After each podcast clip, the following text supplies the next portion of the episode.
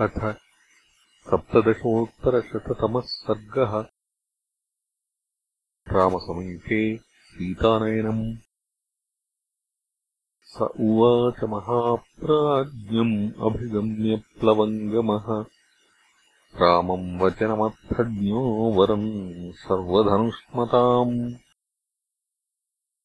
यन्निमित्तोऽयमारम्भः कर्मणाम् च फलोदयः देवीम् शोकसन्तप्ताम् मैथिलीम् द्रष्टुमर्हसि।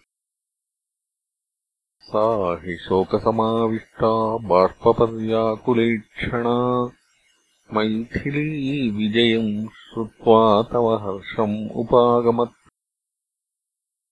पूर्वकात्प्रत्ययाच्चाहम् उक्तो विश्वस्तया तया भर्तारम् द्रष्टुमिच्छामि कृतार्थम् सह लक्ष्मणम्। एवमुक्तो हनुमता रामो धर्मभृताम् वरः। अगच्छत्सहसा ध्यानम् ईषद्बाष्परिप्लुतः दीर्घम् उष्णम् विनिश्वस्य मेदिनीम् अवलोकयन्। उवाच मेघसङ्काशम् विभीषणमुपस्थितम् दिव्याङ्गरागाम् वैदेहीम् दिव्याभरणभूषिताम् इह सीताम् शिरःस्नाताम् उपस्थापयमाचिरम्। एवम् उक्तस्तु रामेण त्वरमाणो विभीषणः प्रविश्यान्तः पुरम् सीताम् स्वाभिः स्त्रीभिरचोदयत् ततः सीताम् महाभागान् दृष्ट्वोवाच विभीषणः। मूर्ध्निबद्धाञ्जलिः श्रीमान् विनीतो राक्षसेश्वरः। दिव्याङ्गरागा वैदेहि दिव्याभरणभूषिता। यानम् आरोहभद्रन्ते भर्ता त्वाम् द्रष्टुमिच्छति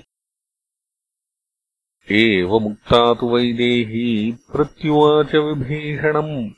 अस्नाता द्रष्टुमिच्छामि भर्तारम् राक्षसाधिप।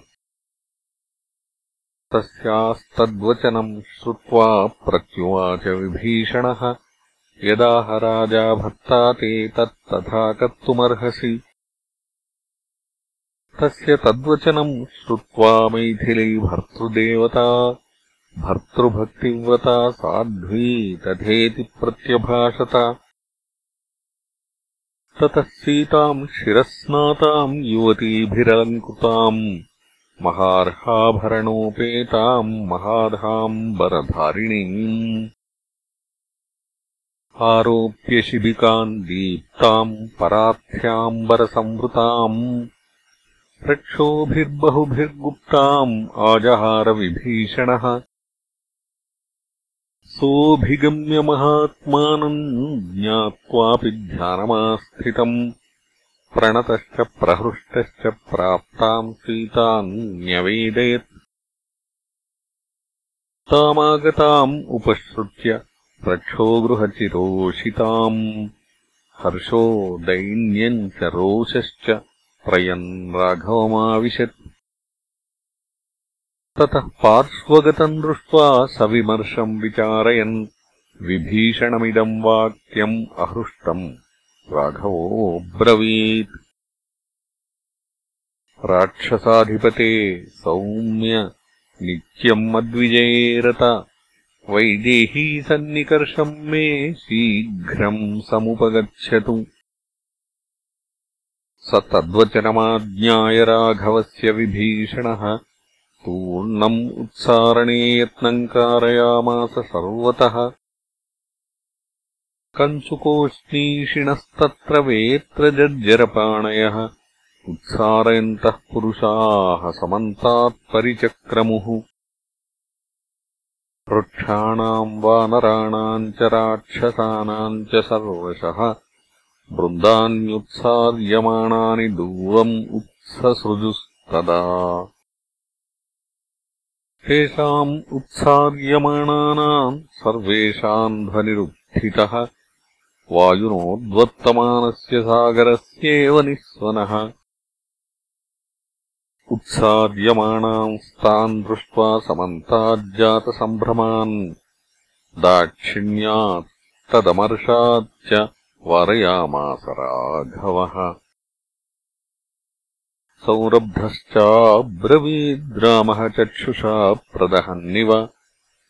विभीषणम् महाप्राज्ञम् सोपालम्भमिदम् वचः। किमर्थम् माम् अनादृत्य क्लिश्यते यम् त्वया जनः? निवर्तयेनम् उद्योगम् जनोऽयम् स्वजनो मम। न गृहाणि न वस्त्राणि न प्राकारास्तिरस्क्रियाः नेदृशा राजसत्कारा वृत्तमावरणम् स्त्रियाः। व्यसनेषु न कृच्छ्रेषु न युद्धेषु स्वयंवरे न क्रतौ न विवाहे च दर्शनम् दुष्यति स्त्रियाः। सैषा युद्धगता चैव कृच्छ्रे च महति स्थिता दर्शने स्या न दोषः स्यान्मत्समीपे विशेषतः।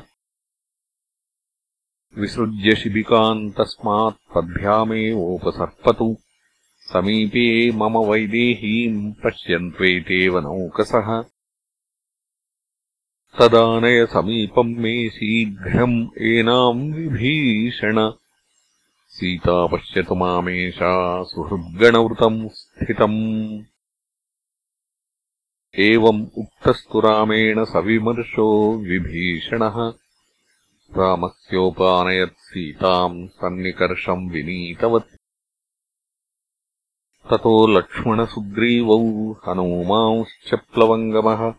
निशम्यवाक्यम् रामस्य बभूर्व्यथिता भृशम्। कळत्रनिरपेक्षैश्च इङ्गितैरस्य दारुणैः अप्रीतमिव सीतायाम् तर्कयन्ति स्म राघवम्। लज्जया त्ववलयन्ती स्वेषु गात्रेषु मैथिली। विभीषणेनानुगता भर्तारम् साभ्यवर्तत सा वस्त्रसंवृद्धमुखी लज्जया जनसंसदि। रुरोदासाद्यभर्तारम् आर्यपुत्रेति भाषिणी विस्मयाच्च प्रहर्षाच्च स्नेहाच्च पतिदेवता उदैक्षतमुखम् भर्तुः सौम्यम् सौम्यतरानना। अथ समपनुदन्मनःक्लमम् सा सुचिरमदृष्टमुदीक्ष्य वै प्रियस्य वदनमुदितपूर्णचन्द्रकान्तम् विमलशशाङ्कनिभानना तदानीम् इत्यार्षे श्रीमद् रामायणे वाल्मीकीये आदिकाव्ये युद्धकाण्डे सप्तदशोत्तरशततमः सर्गः